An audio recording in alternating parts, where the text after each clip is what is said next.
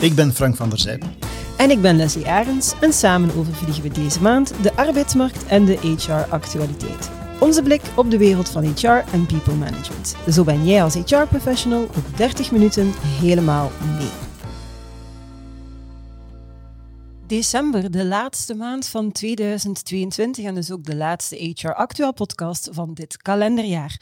Ook deze maand duik ik in de arbeidsmarkt om in te zoomen op cijfers, onderzoek en topics waar jij als HR-professional ongetwijfeld mee bezig bent.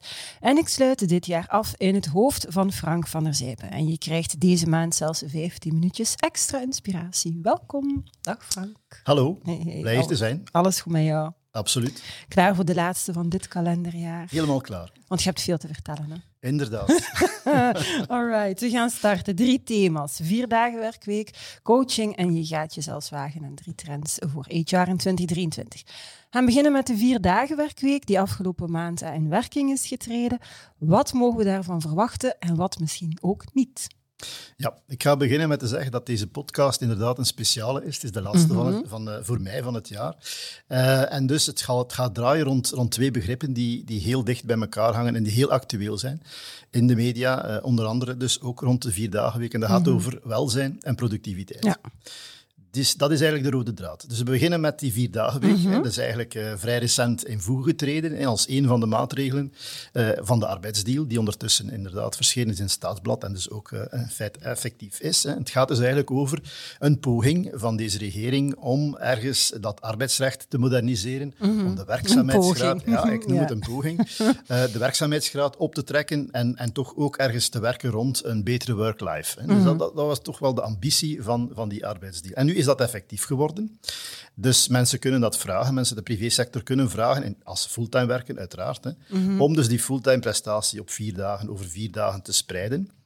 En dus, uh, ja, wat we zien in elk geval, want het is nu gestart, we zullen zien hoeveel bijval dat ja. heeft, mm -hmm. is in elk geval dat de intenties, zowel van de werknemers als van de werkgevers, als we dit bevragen van, zijt jij nu van plan om dat te doen, of in welke mate zijt je van plan om dat toe te laten, dat die enorm uit elkaar lopen. Ja. Dus dat is toch wel een, een vaststelling. Intenties mm -hmm. zijn maar intenties, ik weet dat wel. Dus uh, mijn intentioneel gedrag is geen effectief mm -hmm. gedrag, dat weten we.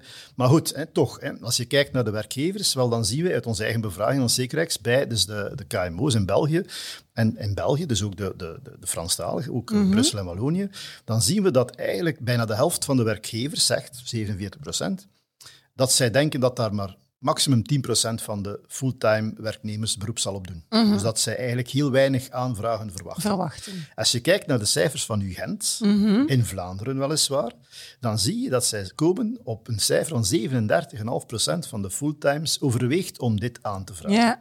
Dus er zit een enorme spanning op die intenties. En het is maar de vraag natuurlijk of we voldoende weten wat de gevolgen zullen zijn zowel voor het welzijn als voor de productiviteit ja, ja. van die maatregel. Want je, kan, je kunt wel zeggen, oké, okay, uh, we weten dat eigenlijk niet. Mm -hmm. En als ik kijk naar wat, naar wat onderzoek vandaag daarover zegt, dan, dan zie ik van, dat onderzoek vooral gebaseerd is op mensen die het al doen, ja. om een of andere reden gekregen hebben. En die zijn natuurlijk super tevreden. Hè? Ja. Maar ja, dat is zelfrapportage. Dus harde cijfers op, op, wat betreft. Dus wat doet dat nu met de productiviteit van iemand op, op het werk? Gaat men, want het zijn lange dagen, hè, dus mm -hmm. uh, dagen van 9 à 10 ja. uur.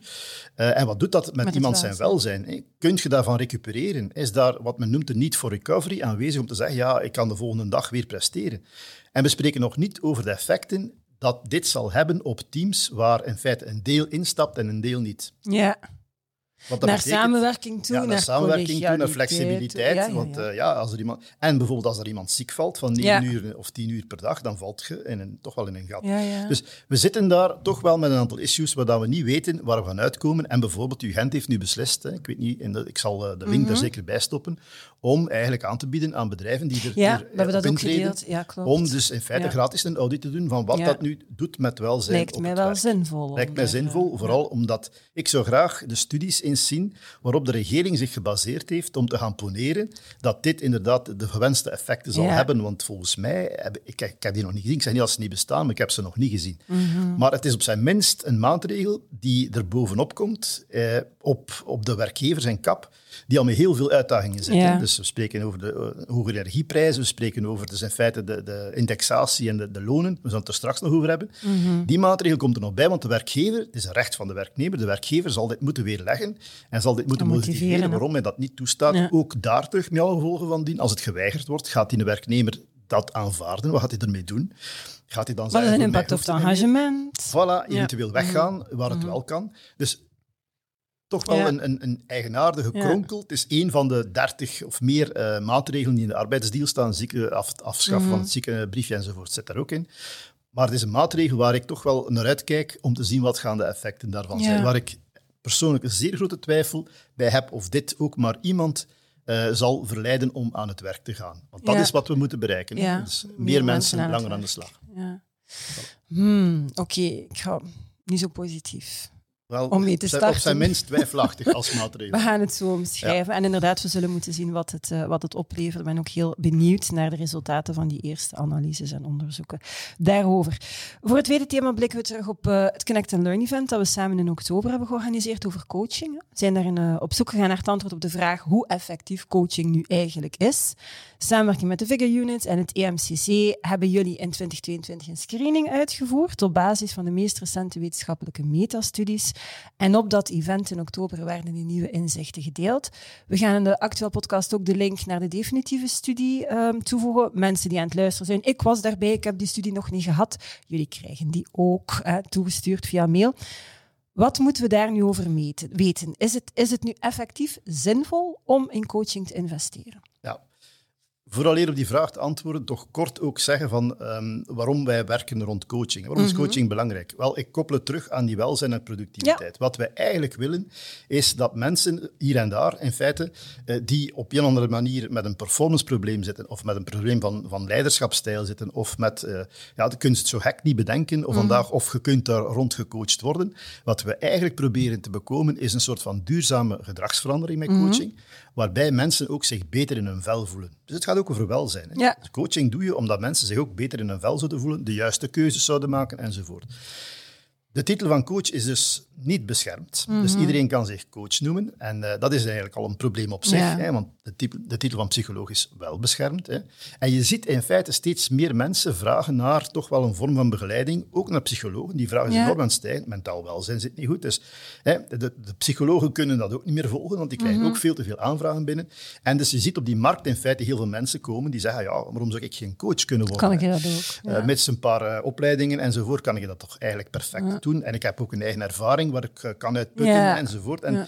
Dus eigenlijk in 2014 al hebben wij een eerste kritische studie eh, gemaakt rond coaching. En het was toen ook, hè, die naam is al verschillende keren gevallen, maar ja, het blijft een goeroe in, in, in, België.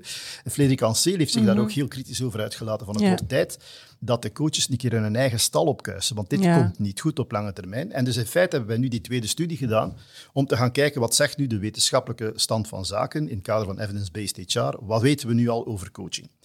En dus daarom hebben wij de opdracht gegeven samen met het eh, European eh, Mentoring and Coaching Council en samen met Vigor hebben wij in feite gevraagd om, om die literatuurstudie op basis van de meest recente metastudies, grote studies, die bundelen resultaten van andere studies, te kijken van wat is daar nu en wat, heeft, eh, wat, wat, wat, zegt men? Eigenlijk zegt men, moet je daar nu in investeren of niet? Om dan op je vraag te, te antwoorden.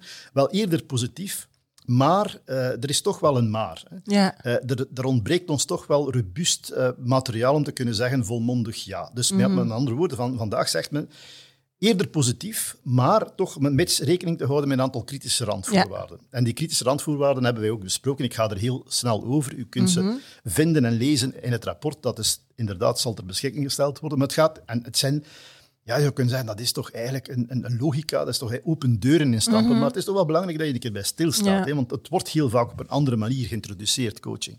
Ten eerste, heel belangrijk, de motivatie van de coachie. Is die, men spreekt in de literatuur over readiness. Is die persoon klaar om gecoacht te worden? Is die klaar om zichzelf in vraag te stellen? Is die klaar om eh, te zien dat er inderdaad dingen beter kunnen en dat hij misschien, ja, want hij moet keuzes gaan maken. Is hij er klaar voor? Vraagt hij dat zelf? Ja. Heel vaak wordt een coaching voorgesteld Opgelegd en opge- opgelegd door eh, het management of door een bedrijf. En dat is een heel slechte startbasis. Profiel van de coach.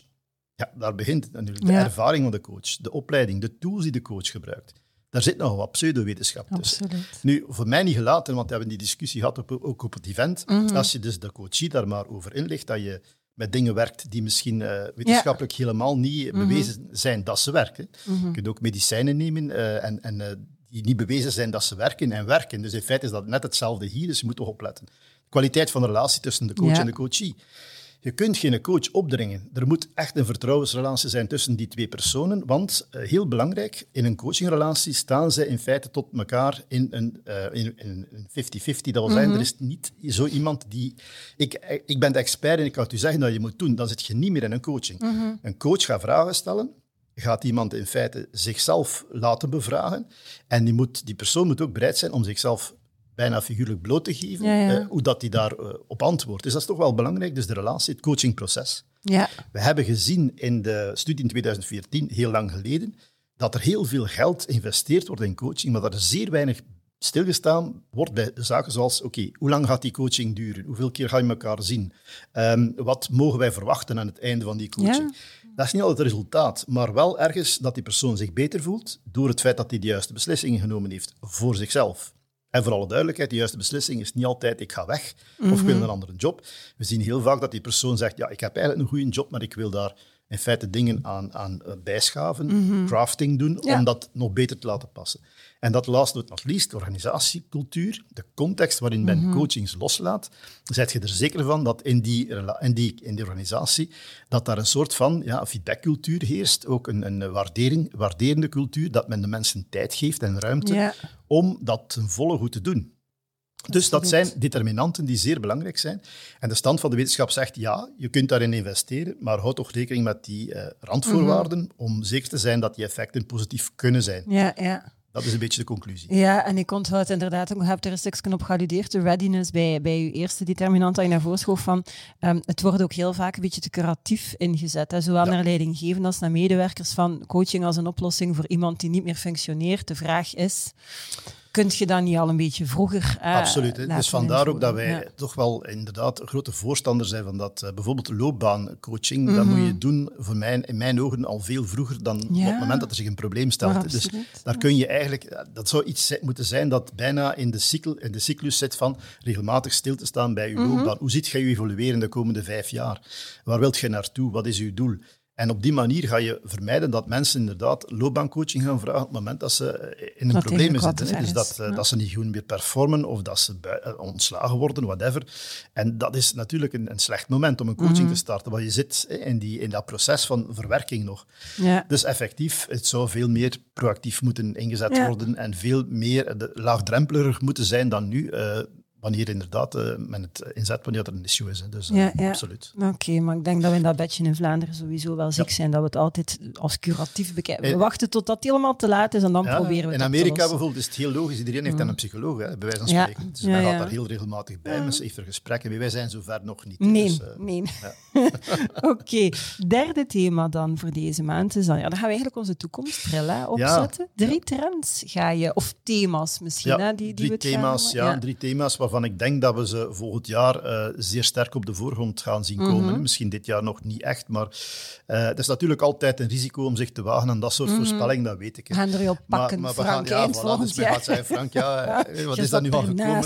Maar goed, hè, het, is, het is mijn eigenzinnige selectie, zou ik zeggen, op basis ook van wat je ziet. In feite Ja. een soort van aanloop naar... Nu, ik, ik spreek ook altijd, en ik ga mijn eigen beschermen, in een business-as-usual schema. Ik Ja. zeg al, als er geen grote veranderingen Ja. komen, hè, dus eh, geen, geen grote plotse veranderingen. Eh, allee, ik, hoop eh, dat het dan geen negatieve dingen zijn. Geen zwarte zwanen eh, bedoeld Geen je? zwarte zwanen, maar, maar goed. Hè, dus ik denk dat we... Allee, mijn drie thema's... Eén, de loonkost en de Mhm. lonen, de verloning. Dat gaat superbelangrijk worden. Mhm. toekomst. Ik ga ze straks wat, wat, uittypen.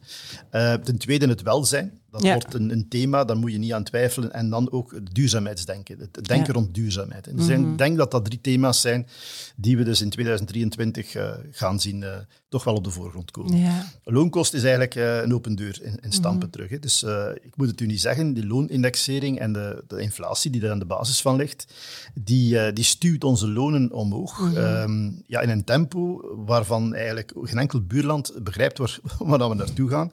Want uh, als ik hier de cijfers zie, plus 21 procent in 2023 op de loonmassa.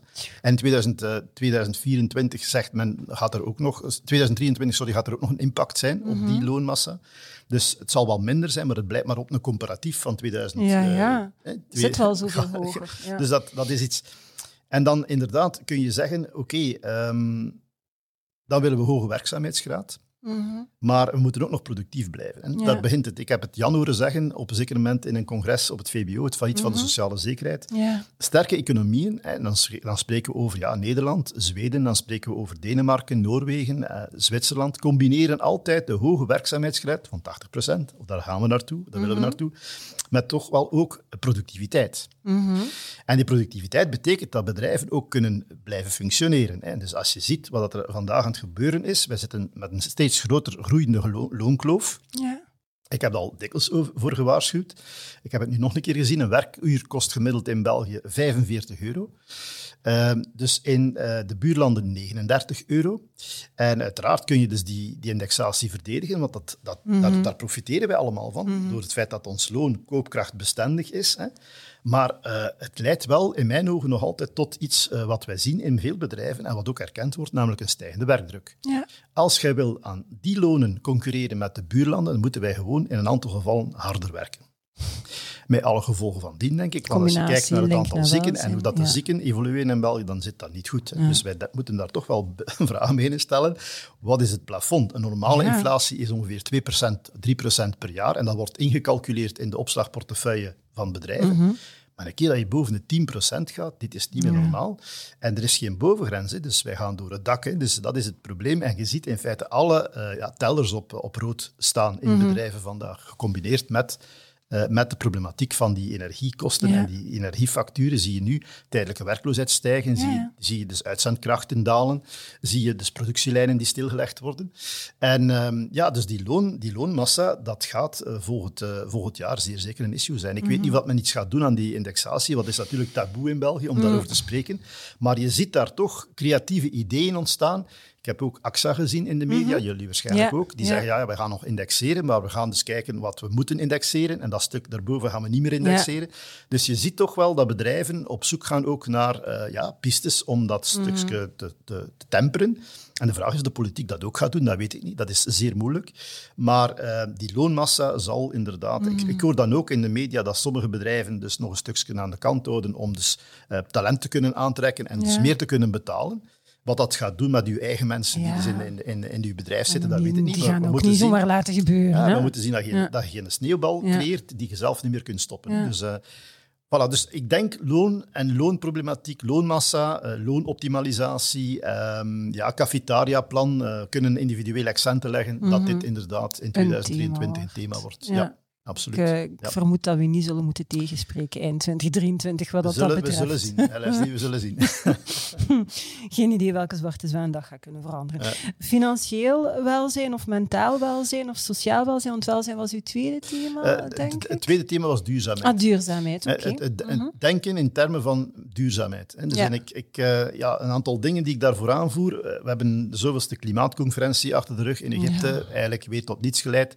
Was min of meer voorspelbaar, maar goed. Is Ik had meer verwacht, Frank. Ja, Ik- de, ook. de in verwachten, mij had verwachten meer mag, verwacht. maar Ja, eh, het ja. is niet zo. Hè. Dus Ja. Mhm. we zien ook de problematiek van de mensenrechten, die dus toch wel inderdaad eh, op de voorgrond komt. Qatar, hè, eh, heel mooi. Iran, hè.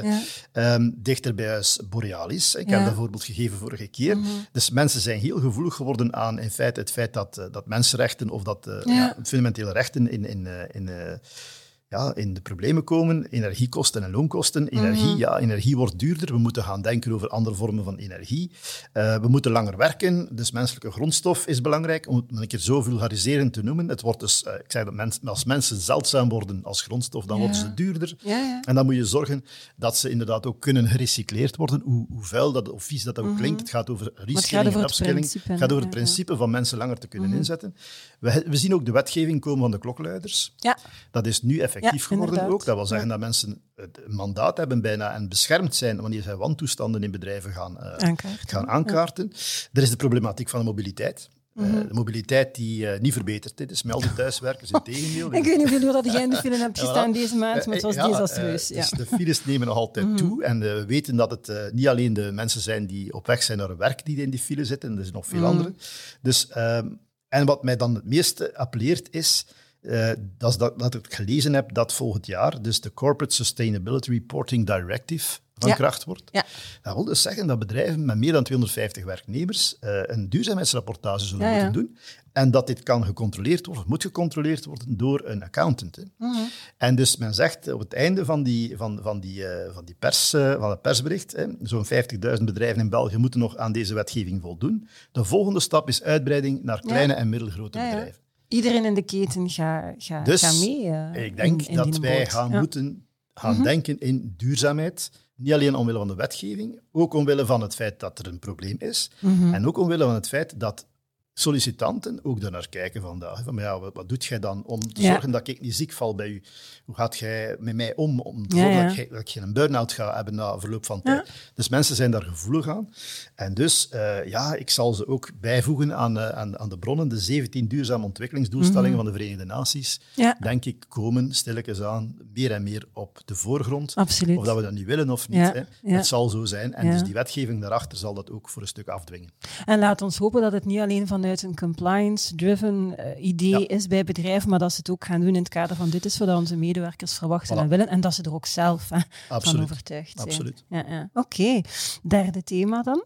Ja, dat is welzijn. Een beetje verklapt al, hè? Ja, dat is welzijn. Dus eh, ja. ik heb het ook gezegd, dit ging de rode draad zijn. Eh, welzijn in, in, zijn, in zijn zeer holistische benadering. Mhm. van welzijn voor mij, wanneer voelt je je goed? Hè?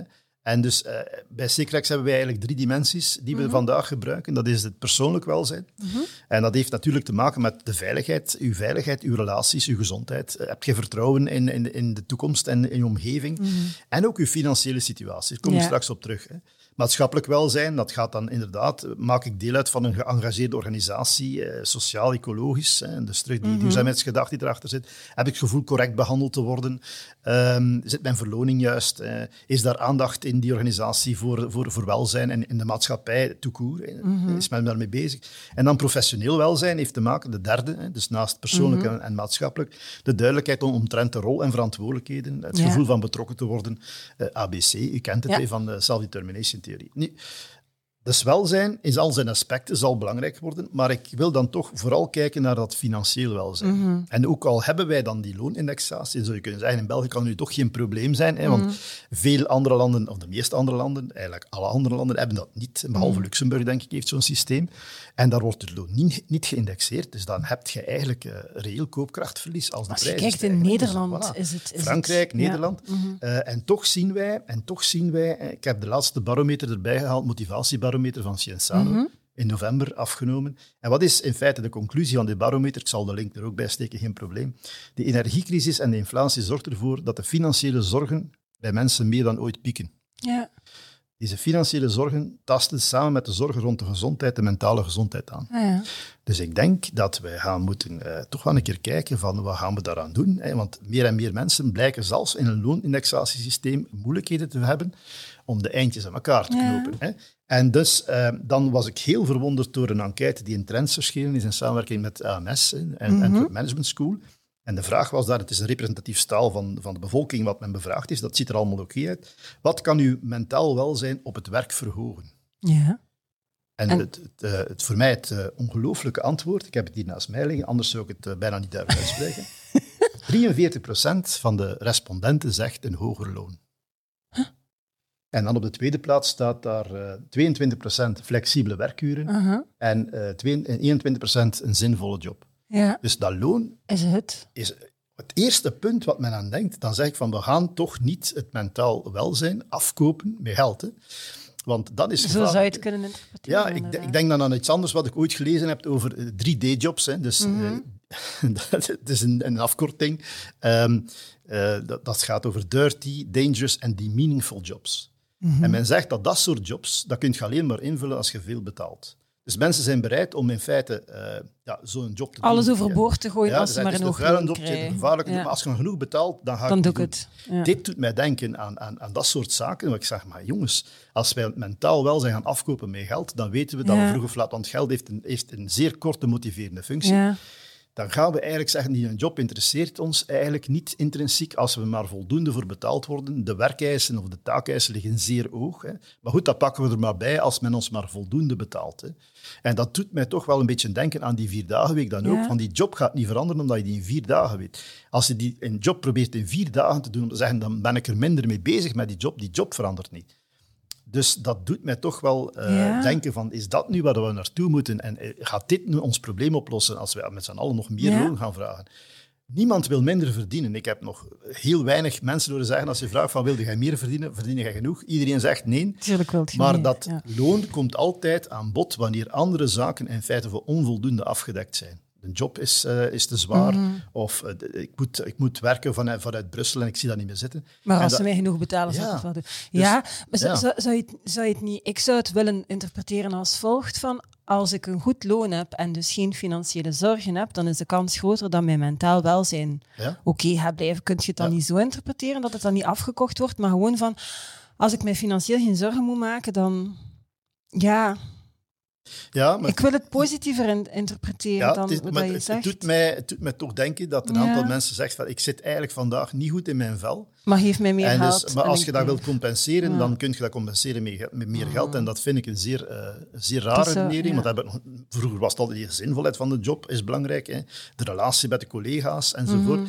En loon is uiteraard belangrijk, voor zover dat loon marktconform is. En loon voor mij correct betaald worden Ja. voor de job die je doet, is een soort van hygiënefactor Ja. altijd geweest. Van, Mhm. ja, je gaat ervan uit dat dat gewoon, dat dat gewoon zo is. Ja. Hè.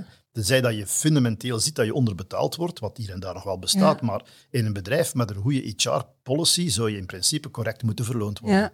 Bovendien heb je indexering, wat andere landen niet hebben.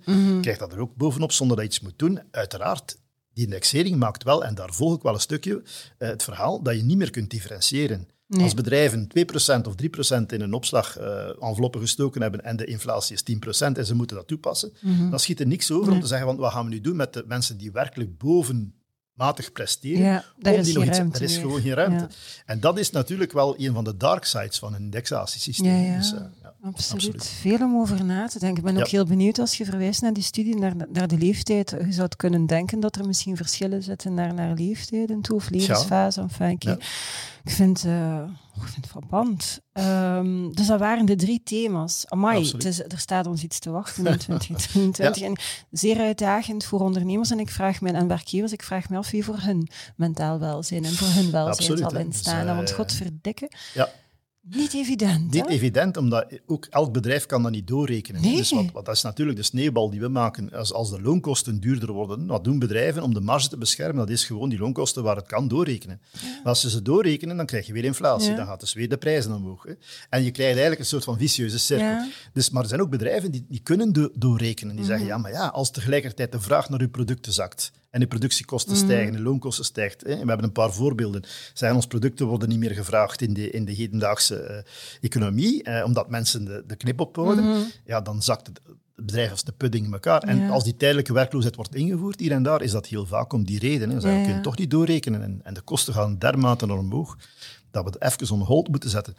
En tijdens de covid-crisis hebben we dat zeer goed kunnen doen met tijdelijke werkloosheid. Mhm. Maar ja, we wisten ook ergens toch dat die crisis, COVID-19, ergens zou ophouden. Eindigen. Hier is dus, eh, we zitten in een soort van recessie.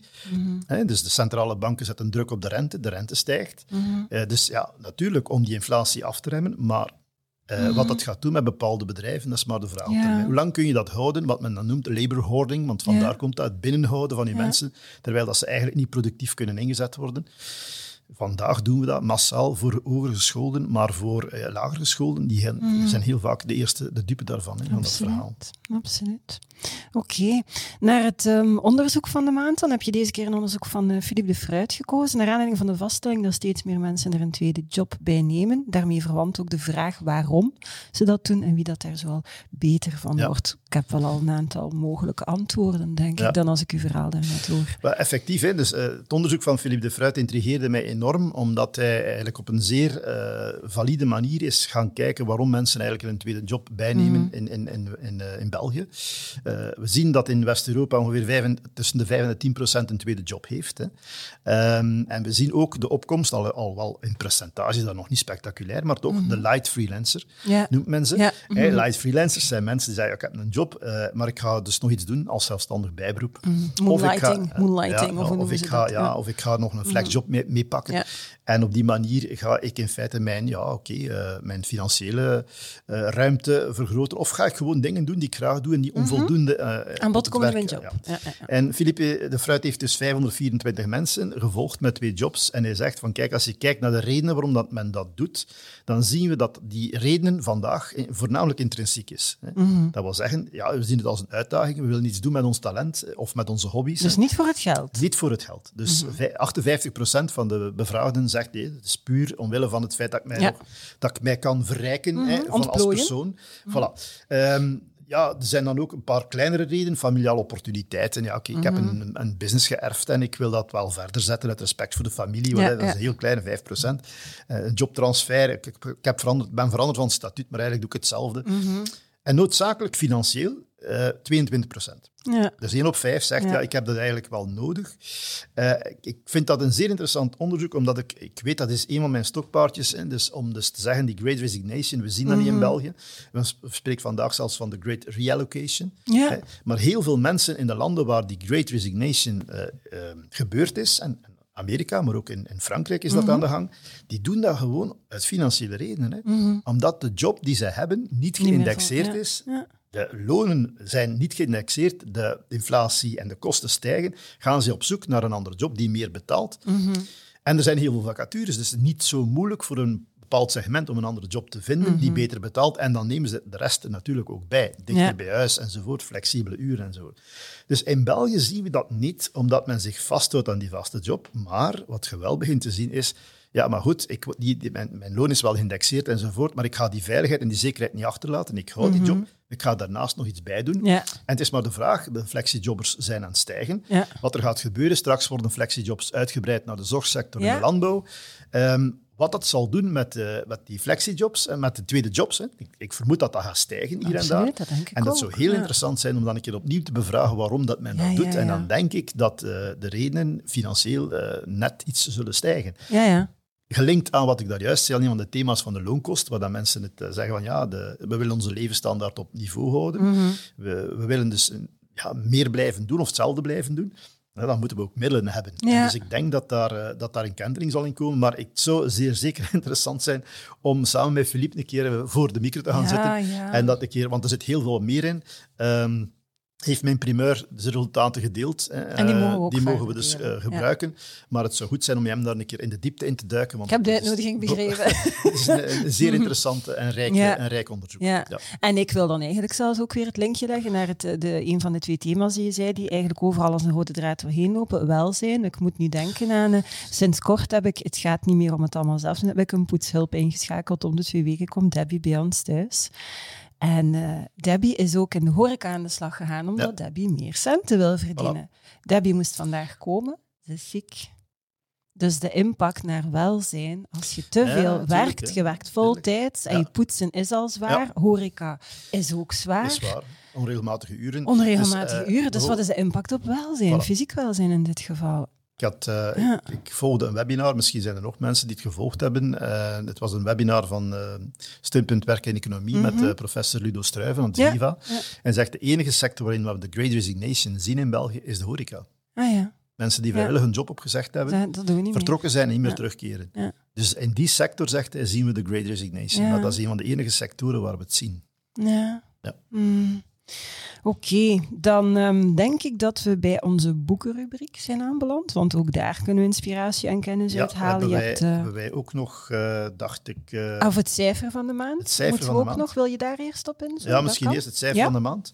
Zeg eens. Ja, dus wat mij opviel, het is een cijfer dat verschenen is 11 november in de Nederlandse pers. pers. We gaan een keer over de grenzen Mhm. Aha. kijken. Maar goed, Nederland is toch op vlak van veel zaken een hitsland, denk ik. Ja. Een zeer progressief Ja. land. Men spreekt over dat poldermodel, eh, om, Mhm. omwille van het feit dat eh, ja, de sociale partners en de werkgevers daar hebben leren samenwerken, omdat ze ook eh, in een historiek van Nederland samen de zee bekampt Mhm. hebben. Hè? Dus we spreken over een model van samenwerking. En wat verschijnt er in de Nederlandse pers, het, het was eigenlijk bijna, ik, we hebben twee keer moeten lezen, eh 70% van de Nederlandse werkgevers zegt thuiswerk te gaan beperken of het aantal hybride functies terug te willen brengen.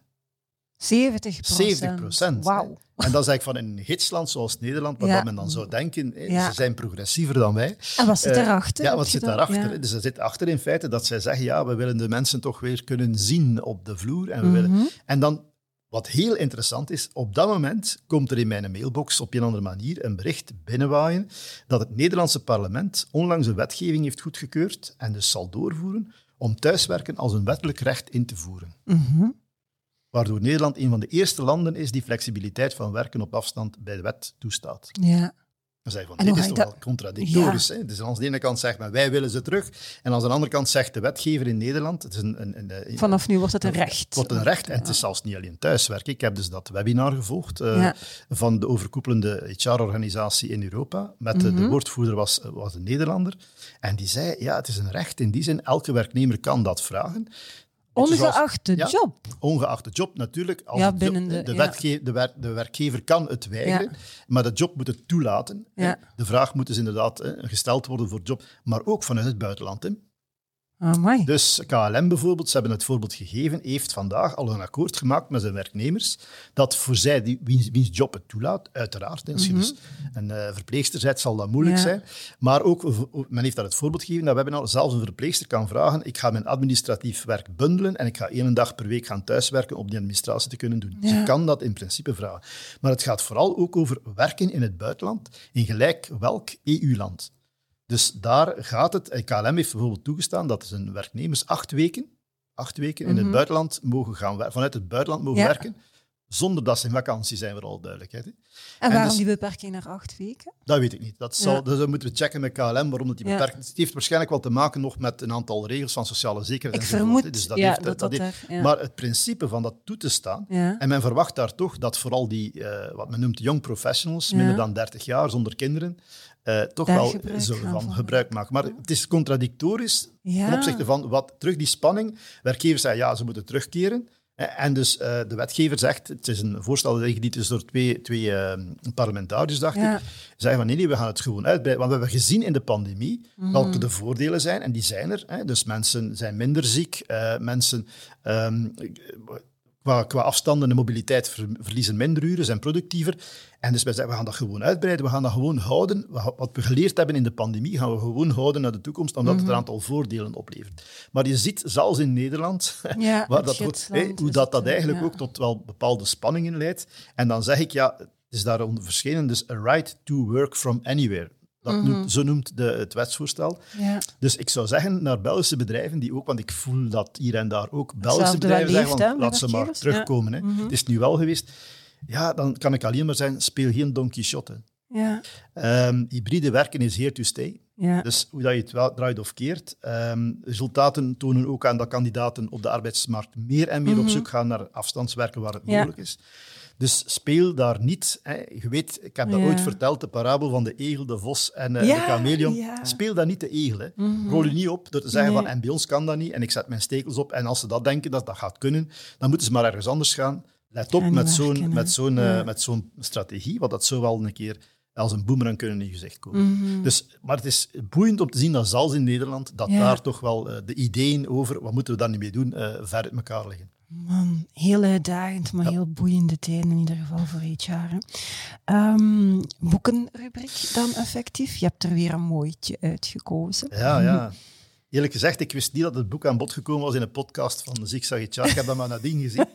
Mijn Ja. eh, excuses daarvoor. Of misschien is is, het juist omdat wij dezelfde, dat dat, het we- dat we kan het hetzelfde gezien Ja, hebben. ja. Maar het gaat over het boek en met een zeer appellerende titel natuurlijk. Terug in dat thema van productiviteit en welzijn. Beste medewerker, hoe gaat het? Hè? Mhm. Het is een boek over feedback en evalueren. Mhm. Ehm, het is een keer een, een boek in het Nederlands dat verschijnt. Dat is ook Mhm. niet zo vaak. Heel vaak zijn dat Engelstalige boeken. Het is een boek van Evelien Schollaert, Gert Jacobs eh, en nog een paar mensen die eh, actief zijn in, in de wereld van eh eh, UGent at Work. hè. Mhm. Ehm, het is een HR-boek, uiteraard. Ja. verschenen Mhm. in juli 2022, dus eigenlijk vrij recent. En, en waarom dat boek? Wel, ja, naast de titel die appelleert. Hè. Uh, we hebben dus ja, iedereen weet dat, hoe gaat het met u? Hè? Hoe is? Dus mm. een baas mij ziet, zei hoe is? Goed, hè? Dus uh, het appelleert omdat ja, achter, achter die vraag hoe gaat het, kan zoveel meer zitten. Ja. En het gaat ook over evaluatie en performance.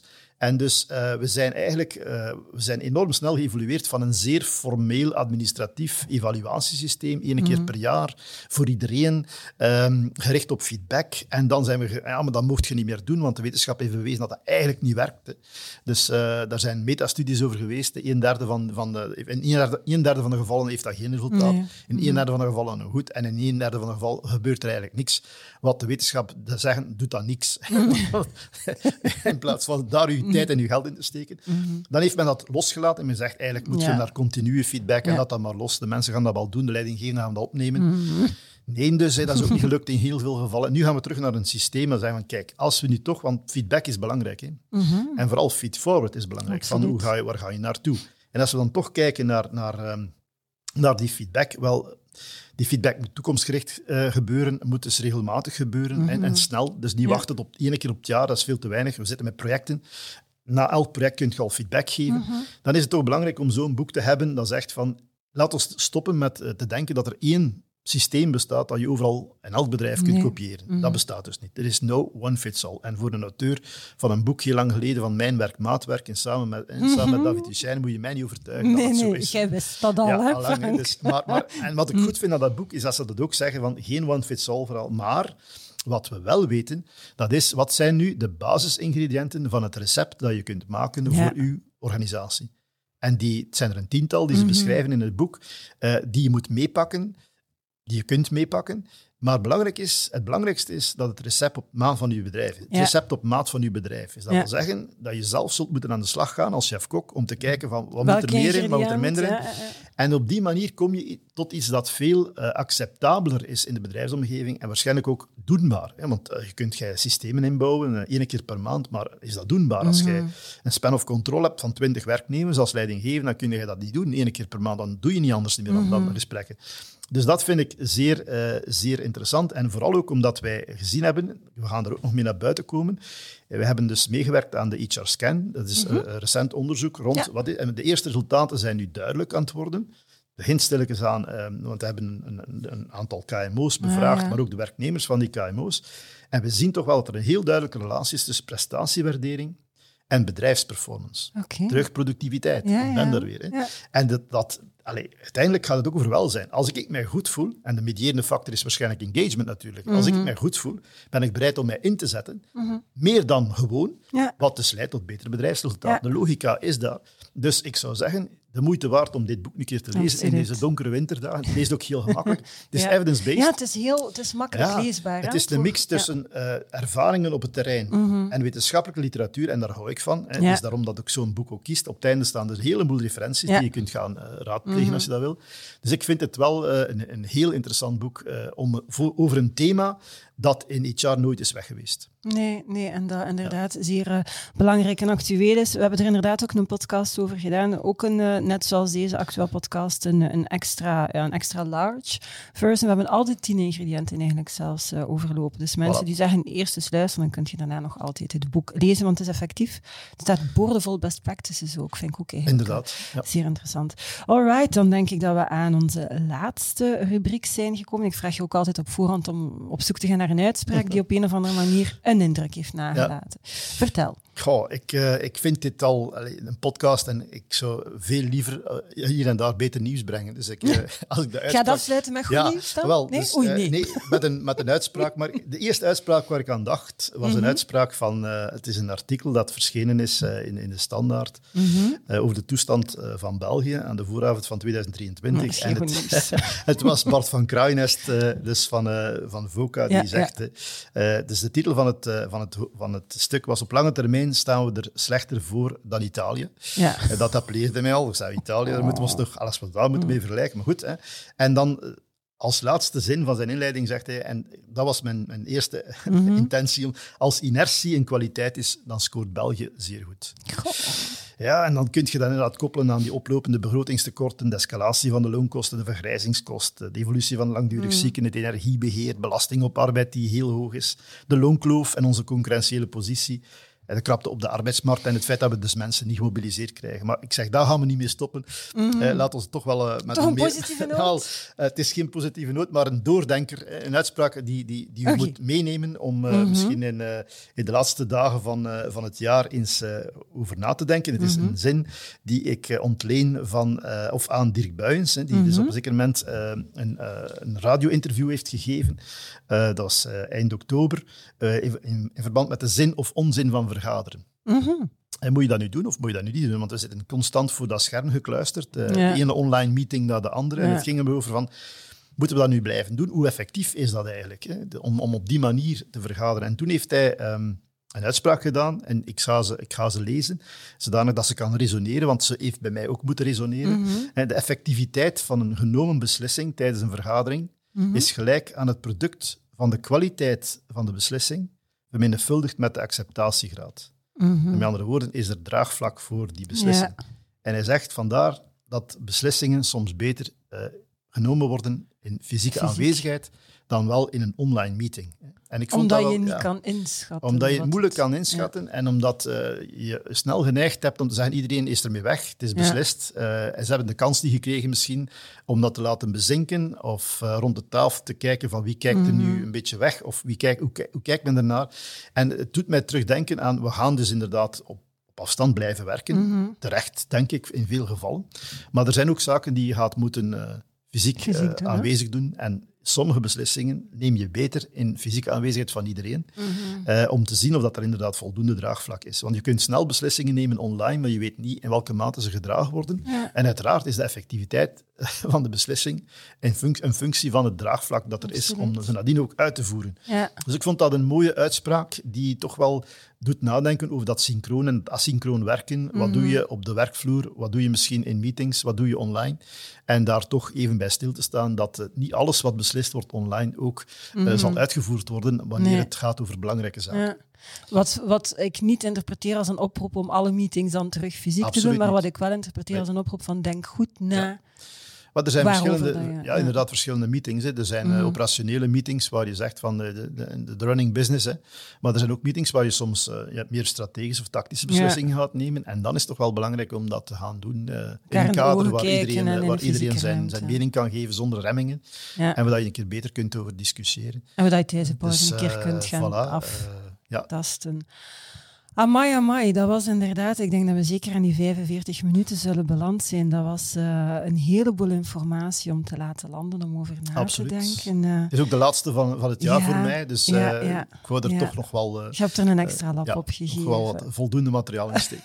Absoluut. Hartelijk bedankt daarvoor. En opnieuw gaan mensen dus al die linken of alle onderzoeken Absoluut. waar we naar verwezen hebben kunnen bekijken ja, op de website. Dus merci dat ik alweer in jouw hoofd mocht kruipen, Frank. Graag gedaan. Dank u.